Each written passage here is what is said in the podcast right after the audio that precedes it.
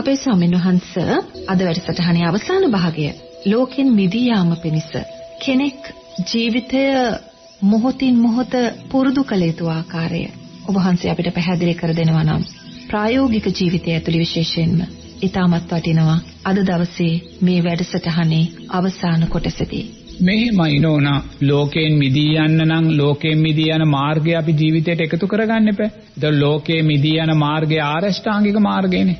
ලෝකයේ මිදී යන මාර්ගය ආරෂ්ඨාංගික මාර්ගය නිසා අපි ඉක්මන් වෙනවා කියන අන්තයටත් යන්නේ නැතුව එහෙම නැත්නම් අපි ප්‍රමාද වෙනවා කියන අන්තයටත් යන්නේ නැතුව අපි හැම වෙලාවම මධ්‍යම ප්‍රතිපදාවට එන්න ඕනේ. ඒ මධ්‍යම ප්‍රතිපදාව තමයි ආරෂ්ඨාංගික මාර්ගය. ඒ නිසා නිරේතුරුව මේ ආරෂ්ඨාංගික මාර්ගයේ කෙරෙහි විශ්වාසය ඇති කරගෙන ආරෂ්ඨාංගික මාර්ගයේ කෙරෙහි විශ්වාසය ශක්තිමත් කරගන්න ශක්තිමත් කරගන්න අපි තුල වැඩෙන්නේ තෙරුවන් කෙරෙහි සද්ධාවමයි. ඒ නිසා නිරේතුරුවම මේ ලෝක ධාතුවේ ලෞකික සැපයටත් ලෝකෝත්තර සැපයටත් තියෙන එකම එක මාර්ගය ලෞතුරා බුදුරජාණන් වහන්සේ දේශනා කරපු ඒ උතුම් ආරෂ්ඨාංගික මාර්ගයමයි ඒ සත්‍ය ඔබ ජීවිතයෙන් තේරුම් ගැනීමමයි තෙරුවන් කෙරෙහි සද්ධාව කියලා කියන්නේ. ඒ නිසා ආර්ය අෂ්ටාංගික මාර්ගයේ ශක්තිමත් කරගන්න වෙන මාර්ගයන් කෙරෙහි ඔබ බලාපොරොත්තු ඇති කරගන්න එපා.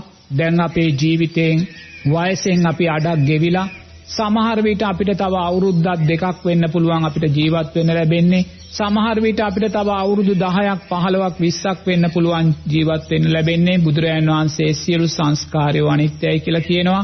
ඒ නිසා බොහෝම කෙටි කාලයයි අපිට ජීවිතයෙන් ඉතුරු වෙලා තියෙන්නේ. ඒ නිසා ඔබ දක්ෂ වෙන්න ඕනේ. ඔබ මේ සුන්දර ජීවිතය ලැබුවේ හේතුවක් නිසාමයි. මේ සුන්දර බෞද්ධ රටේ මේ උතුම් තෙරුවන් වැඩ සිටින රටේ මේ උතුම් රුවන්වැලි මහා සෑ සමුදුන් ජයශ්‍රී මහා බෝසමුදුන් වැඩ සිටින රටේ මේ උතුම් චතුරාර්ය සත්‍ය ධර්මයන් ජීවමානව වැඩ සිටින රටේ ඔබ ඉපදුනේ හේතුඵල ධර්මයක් නිසාමයි. ඒ සුන්දර අර්ථය ඒ පුණ්‍යවන්ත අර්ථය ඔබ ජීවිතෙන් තේරුම් ගන්න. ඒ පුණ්‍යවන්ත අර්ථය ජීවිතෙන් තේරුම් අරගෙන නිරතුරුවම මේ උතුම් මාර්ය ෂ්ටාංගික මාර්ගයේ අර්ථය ඔබ ජීවිතයට වහවහ එකතු කරගන්න පිංතුනි. ඔබ ඒ උදෙසාමයි මේ සුන්දර ජීවිතය ලැබුවේ. ඔබ මේ සුන්දර ජීවිතය ලැබුවේ ඔබ උතුම් මාර්ය ෂ්ටාංගික මාර්ගයෙන් බැහැර වෙලා මිච්ඡා මාර්ගයන් වඩලා කාම ඡන්දයන් පංච නීවරණ ජීවිතවලට එකතු කරගෙන ආයිමත් සතර අපායකට වැටෙන්න නන්නේ ඒක හොඳින් තේරුම් ගන්න. නමුත් සමාජයේ යන දිශාව බොහොම බියකරු දිශාවක්. සුන්දර රටක උප්පත්තිය ලබලා මේ සුන්දර සම්මා සම්බුද්ධ ශාසනයේ දායාදයන් ලබලා ඒ සියල්ලම අපි අමතක කරලා කාම ඡන්දයන් වඩන්න ඇස පිනවන්න කන පිනවන්න නාසය පිනවන්න දිව ශරීරය මනස පිනවන්න මේ පංච නීවරණ ගොල්ලේ තනි වෙන්න ගිහිල්ලා පිංගතුනේ අපි අපේ සුන්දර උපතේ අර්ථය ඔබ විනාශ කරගන්න එපා. ඒ නිසා ඔබ දක්ෂ වෙන්න මේ උපත බුදුරජාණන් වහන්සේ ලබා දුන් උපතක් නෙමේ. දෙවියෙක් බ්‍රහ්මයෙක් ඔබට ලබා දුන් උපතක් නෙමේ. ඔබේ අම්මා තාත්තා ඔබට ලබා දුන් උපතක් නෙමේ. මේ සුන්දර මව්බිමේ මේ සුන්දර සම්මා සම්බුද්ධ ශාසන සෙවණේ ඔබ ලැබුවා වූ මේ උපත ඔබේ පෙර කුසල් සංස්කාරයන් නිසාම පටිච්ච සමුප්පන්න ලැබුවා උපතක්මයි පිංගතුනි ඒ උත්තම අර්ථය ඔබ ජීවිතයෙන් තේරු ගන්න. ඔබ මේ ලෝකේ මේ මනුස්ස ජීවිතය ලැබුවේ ගෙවල් දොරවල් හදලා දුවා දරුවා හදලා සල්ලි ගොඩ ගහලා දේශය වෛරය ජීවිතයට පුහුණු කරලා ආයිමත් සතර අපායට වැටෙන්න නම් නෙමේ කියන කාරණය ඔබ කෙරෙහි ඔබ අනුකම්පාවෙන් තේරුම් ගන්න. තව බොහෝම කෙටි කාලයයි අපිට ඉතුරු වෙලා තියෙන සියලු සංස්කාරයෝ වේගයෙන් අනිත්‍ය වෙලා යනවා. ඒ වේගයෙන් අනිත්‍ය වෙන සංස්කාරයන් සමග අපේ ජීවිතයේ අවසානය අපේ අවසාන හුස්ම පොද කොයි වෙලාවේ අපෙන් බැහැරට යයිද කියන්න අපි දන්නේ නැහැ. එනිසා එකම සැනසිල්ල අපිට තියෙන මේ උතුම් චතුරාර්ය සත්‍ය තුලින් අපි මතු කරගන්න උතුම් මාර්ගෂ්ටාංගික මාර්ගයේ ශක්තිය පමණක්මයි. ඒ නිසා ඔබ ලැබුවා වූ මේ සුන්දර පුණ්‍යවන්ත උපතට ඔබ කෘතවේදී වෙන්න. ඔබ මේ පුණ්‍යවන්ත උපතට නිරතුරුවම ඔබ ගරු කරන්න. එම ගරු කරලා පින්වතුනි ලෝකයට යන දිශාවකට යන්න දෙන්න ඔබ ලෝකයේ දෙස බලන්න එපා.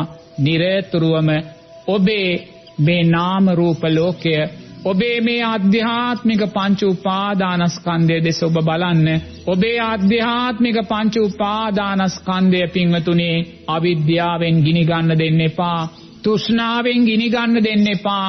බාහිර පංච උපාදානස්කන්ධ ගිනි කොතෙක් ඇවිලුණත් ඒ ඇවිලෙන්නා වූ බාහිර පංච උපාදානස්කන්ධ ගිනි නිසා ඔබේ අධ්‍යාත්මික පංච උපාදානස්කන්ධය ගිනි ගන්න එපා පිංගතුනි නිරේතුරුවම ඇවිලෙන පංච උපාදානස්කන්ධ ගිනි දැකලා ඔබ නිරේතුරුවම ආර්ය අෂ්ටාංගික මාර්ගයේ සිහිල් දියෙන් ඔබේ ඔය පස්සේ අවිද්‍යාව නිවා ගන්න සියුම් කරගන්න නිදහස් කරගන්න ඒ උදෙසා මාර්ගය උතුම් ආර්යෂ්ටාංගික මාර්ගයයි. ඔබේ ආර්යෂ්ටාංගික මාර්ගය ශක්තිමත්ව ජීවිතයට එකතු කරගන්න. ඔබට අපහසු පින්වතුනි ඔබ සාරා සංක කල්ප ලක්ෂ ගානක් පටිච්ච සමුප්පන්නව ආවා වූ මේ භව ගමනේදී ජීවමාන බුදුරජාණන් වහන්සේලාගේ මුවින් මේ උතුම් චතුරාර්ය සත්‍ය ධර්මයන් අහලා තියෙනවා. අතීතේ උතුම් රහතන් වහන්සේලාගේ මුවින්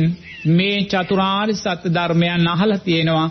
මේ ආර්ය ශ්‍රාංගික මාර්ගයේ බුදුරජාණන් වහන්සේලාගේ මුවින් අහලා ඔබ මේ මාර්ගයන් පුහුණු කරලා තියෙනවා. රූප වේදනා සංඥා සංකාර විඥානයෝ නිසා ප්‍රමාණ දුක් සකස් වෙනවා.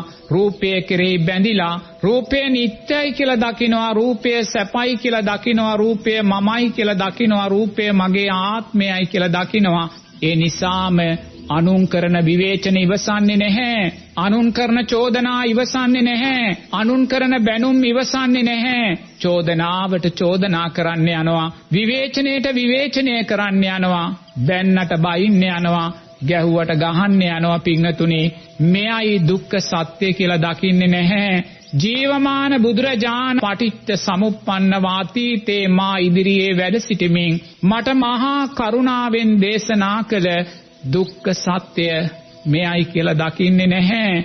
අනේ මේ දුක්ඛ සත්‍යයට මා කොටු උනේ මේ දුක්ඛ සත්‍ය තුල මා ගැලුනේ තෘෂ්ණාව නිසායි කියලා දකින්නේ නැහැ පිංගතුනේ මම රූප වේදනා සංඥා සංකාර විඥානය කෙරේ මා කෙරේ ඇති වූ තෘෂ්ණාව නිසාමයි දෙයනේ මේ දුක සකස්ුනේ මම පෙර ජීවිතේ තෘෂ්ණාව නිරෝධය කළා නම් එහෙමත් නැත්නම් ලෞතුරා බුදුරජාණන් වහන්සේ චතුරාර්ය සත්‍ය මහා කරුණාවෙන් මට දේශනා කරපු වෙලාවේ ඒ චතුරාර්ය සත්‍ය මම සතිය සිහියෙන් මෙනෙහි කරලා මං එදා උතුම් චතුරාර්ය සත්‍ය අවබෝධ කළා නම් එදා මන් තෘෂ්ණාව නිරෝධය කළා නම් මට මේ ජාති ජරා ව්‍යාධි මරණ දුක අයිති වෙන්නේ නැහැ. ඒ නිසා මේ මොහොතේ මේ අත්විඳින්නා වූ ජාති ජරා ව්‍යාධි මරණයන්ට හේතුව ලෝකයා නෙමේ.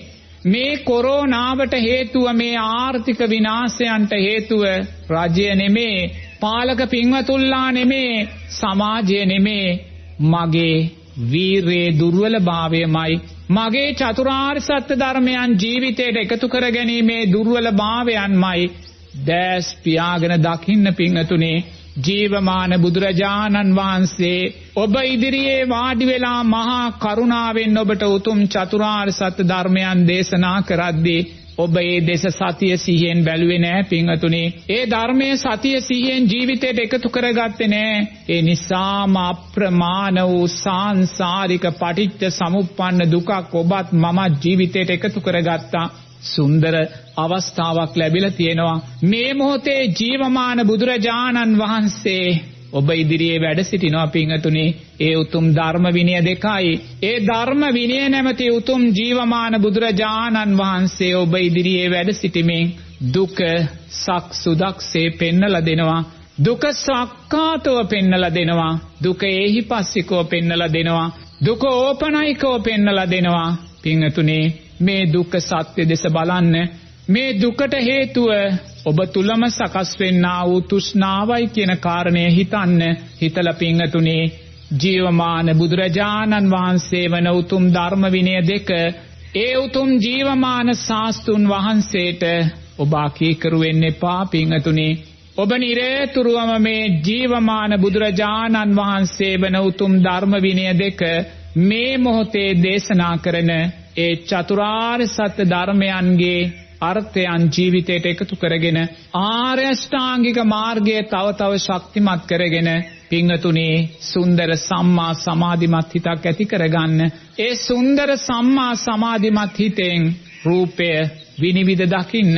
රූපේ ඇත්ත ඇති හැටියෙන් දකින්න කායානුපස්සනාවට අදාළෝ පිංහතුනේ ඔබ රූපය කරේ තුෂ්නාව නිරෝධය කළොත් ඔබ ලෝකය නිරෝධය කලා වෙනවා. ඔහි නිසා ඔබ නිරේතුරුවම රූපය කායානුපස්සනාවට අදාළව දකින්න මේ සෑම අධ්‍යාත්මික බාහිර මනුස්ස රූපයක්ම වෙනස් වෙලා යනවා පිංහතුනි. අපි මේ ඇසෙන් දකින යම් බාහිර රූපයක් තියෙනවාද ඉරහඳ තාරකා මේ මහපොළොව ගහකොළ මේ සෑම රූපයක්ම වෙනස් වෙලා යනවා. සතර මහා ධාතුව නිරේතුරුවම වෙනස් වෙන ස්වභාවයෙන් යුක්තමයි පිංහතුනි. එනිසා මේ අධ්‍යාත්මික රූපස්කන්දයට බැඳෙන්න එපා අනිත්‍යයි කියලා දකින්න මේ බාහිර රූපස්කන්ධයට බැඳෙන්න එපා අනිත්‍යයි කියලා දකින්න නැවත දිව්‍ය රූපයකට බැඳෙන්න එපා පිංගතුනේ සක්‍ර දෙවියන්ගේ රූපයත් අනිත්‍ය වෙලා යනවා සුජම්පතියගේ රූපයත් අනිත්‍ය වෙලා යනවා මේ දිව්‍ය රූපයන් නිරේතුරුවම කායානුපස්සනාවෙන් විනිවිද දකින්න බ්‍රහ්ම රූපයන්ට බැඳෙන්න එපා පිංගතුනේ මහා බ්‍රහ්මයාගේ රූපයත් අනිත්‍ය භාවයට පත් වෙලා යනවා. ඒ නිසා නිරේතුරුවම මනුස්ස දිව්‍ය බ්‍රහ්ම රූපයන්ගේ අනිත්‍ය භාවය ඔබ කායානුපස්සනාවෙන් මතු කළ දකිද්දී පින්වතුනි ඔබ කවදා හරි මිය යන මොහොතේ ඔබේ පටිච්ච සමුප්පන්න විඥාණයට දැස ගන්න රූපය ඔබ අහිමි කළා වෙනවා පින්වතුනි.